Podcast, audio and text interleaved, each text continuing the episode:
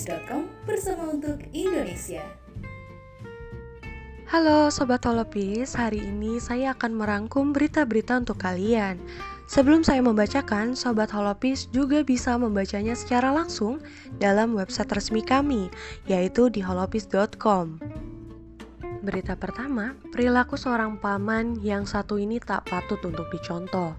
Bukannya menjaga kehormatan sang keponakan, pria berinisial E, W alias Ayah Ndut malah melakukan kekerasan seksual keponakannya yang masih berusia di bawah umur atau berusia 9 tahun tega dicabuli. Pelaku kini telah ditangkap polisi dan berstatus sebagai tersangka.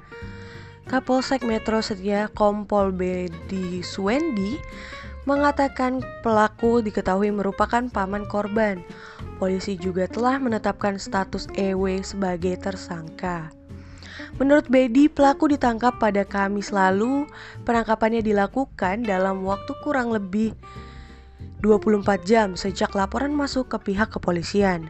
Tersangka kini sudah ditahan. Akibat perbuatannya, tersangka akan dikenakan pasal 76J O pasal 81 UU RI nomor 17 tahun 2016 tentang penetapan peraturan pemerintahan pengganti UU tentang perlindungan anak. Berita selanjutnya datang dari berita internasional. Aktor Korea Selatan Oh Young Soo memenangkan penghargaan Golden Globes dengan kategori Best Supporting Actor in Television untuk perannya sebagai Oh Il Nam di serial populer Netflix yaitu Squid Game. Oh Young So dinominasikan dengan nama-nama besar Hollywood seperti Billy Crudup, Mark Duplass, Kieran Culkin, dan Brett Goldstein. Ia berterima kasih sangat kepada semua orang yang telah mendukungnya. Squid Game juga turut menerima nominasi Best Television Series dan Lee Jung Jae menerima nominasi sebagai Best Performance by an Actor in a Television Series Drama. Seperti yang diberitakan sebelumnya, boykot yang dilakukan Hollywood kepada Golden Globes mengakibatkan acara penghargaan ini tak ditayangkan di televisi atau streaming. Golden Globes dituding sebagai acara penghargaan yang rasis dan penuh korupsi. Acara penghargaan dilaksanakan tanpa penonton dan pemenang pun hanya diumumkan melalui website resmi Golden Globes dan akun media sosial resmi mereka. Berita selanjutnya, dua orang masyarakat di Almahera Utara mengalami luka-luka pasca bencana berkekuatan 5,5 magnitudo pada Senin lalu. PLT Kepala Pusat Data Informasi dan Komunikasi Kebencanaan BNPB, Abdul Muhari menjelaskan gempa tersebut juga turut menyebabkan kerusakan bangunan di beberapa wilayah. Abdul juga menjelaskan terdapat dua kecamatan yang dilaporkan mengalami dampak gempa, yaitu Kecamatan Tobelo Barat dan Kecamatan Kau Barat. Selain mendata korban dan kerusakan, tim reaksi cepat BPBD Halmahera Utara telah berkoordinasi dengan aparat desa setempat serta membantu evakuasi korban dan membawanya ke rumah sakit terdekat. Gempa berkekuatan 5,5 M sebelumnya dirasakan kuat masyarakat Almahera Utara selama 4 6 detik yang menyebabkan masyarakat sempat panik dan keluar rumah. Gempa yang berpusat di daratan 5 km barat daya Halmahera Utara dengan kedalaman 10 km ini tak berpotensi tsunami. Itu dulu rangkuman berita-berita yang bisa saya berikan. Jangan lupa untuk selalu mengunjungi website resmi kami di holopis.com. Saya Dara Aulia pamit undur diri. Sampai jumpa di rangkuman berita selanjutnya. holopis.com bersama untuk Indonesia. Halo Sobat Holopis, kembali lagi bersama program kesayangan kita, Cabi Baca Berita. Di sini saya akan membacakan rangkuman berita yang tentunya spesial untuk Anda.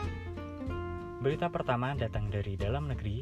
Badan Pengawas Obat Makanan atau BPOM telah menerbitkan izin darurat penggunaan atau Emergency Use Authorization terhadap 5 vaksin COVID-19 yang akan digunakan untuk program vaksinasi lanjutan atau booster di Indonesia.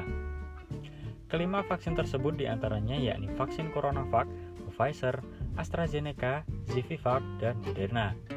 Kepala BPOM Penika Lukito mengatakan bahwa pemberian izin darurat ini telah melalui rekomendasi dari Komite Penasihat Ahli Imunisasi Nasional atau ITAGI.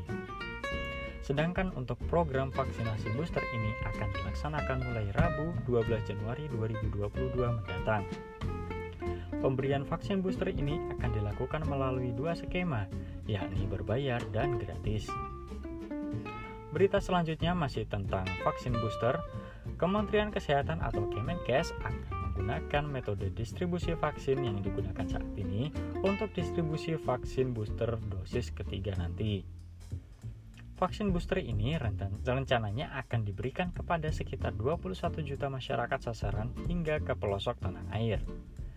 Bio Farma sebagai pihak distributor akan mengerahkan armada khusus untuk mendistribusikan vaksin ke tempat-tempat penyimpanan vaksin di masing-masing daerah. Armada tersebut mampu menjaga suhu ideal rantai dingin yakni 2-8 derajat Celcius. Selanjutnya, pemerintah daerah setempat melanjutkan proses distribusi hingga ke lokasi penyuntikan para peserta dengan menggunakan box dingin yang dapat mempertahankan suhu 2-8 derajat Celcius. Terkait petunjuk pelaksanaan teknis penyuntikan, termasuk takaran dosis yang diberikan, juru bicara vaksinasi COVID-19 Siti Nadia Termizi mengatakan bahwa pihaknya masih menunggu hasil uji klinis dari Itagi. Masih dari dalam negeri, jagat hiburan tanah air tengah dihebohkan dengan penangkapan seorang pedangdut bernama Felin Chu. Pedangdut yang dikenal dengan julukan si Ratu Begal itu ditangkap atas kasus dugaan penyalahgunaan narkotika jenis sabu-sabu. Selain Felin, polisi juga turut mengamankan seorang pria bernama Budi Haryanto yang diketahui merupakan kekasih dari Felin Chu. Kepada penyidik, Felin mengaku belum lama mengonsumsi barang haram tersebut, Alasannya karena ingin menghilangkan rasa trauma karena pernah mengalami tindak kekerasan dalam rumah tangga atau KDRT oleh suami sebelumnya. Kita beralih ke dunia internasional. Aktor ternama Hollywood, Bob Saget meninggal dunia di usia 65 tahun. Pria yang dikenal lewat perannya di sitkom kondang Full House ini meninggal pada Minggu 9 Januari 2022 kemarin. Polisi telah mengonfirmasi bahwa Bob Saget menghembuskan nafas terakhir di Hotel Ritz-Carlton, Orlando, Florida, Amerika Serikat. Anehnya, kantor sheriff setempat tidak mengungkapkan penyebab kematiannya. Detektif juga tidak menemukan tanda-tanda tindak kriminal atau penggunaan narkoba di lokasi kejadian. Demikian berita yang dapat saya sampaikan. Untuk lebih lengkapnya dapat Anda baca di holopis.com. Saya Khoirudin pamit undur diri. Salam sehat, salam sejahtera. Hobbies.com bersama untuk Indonesia.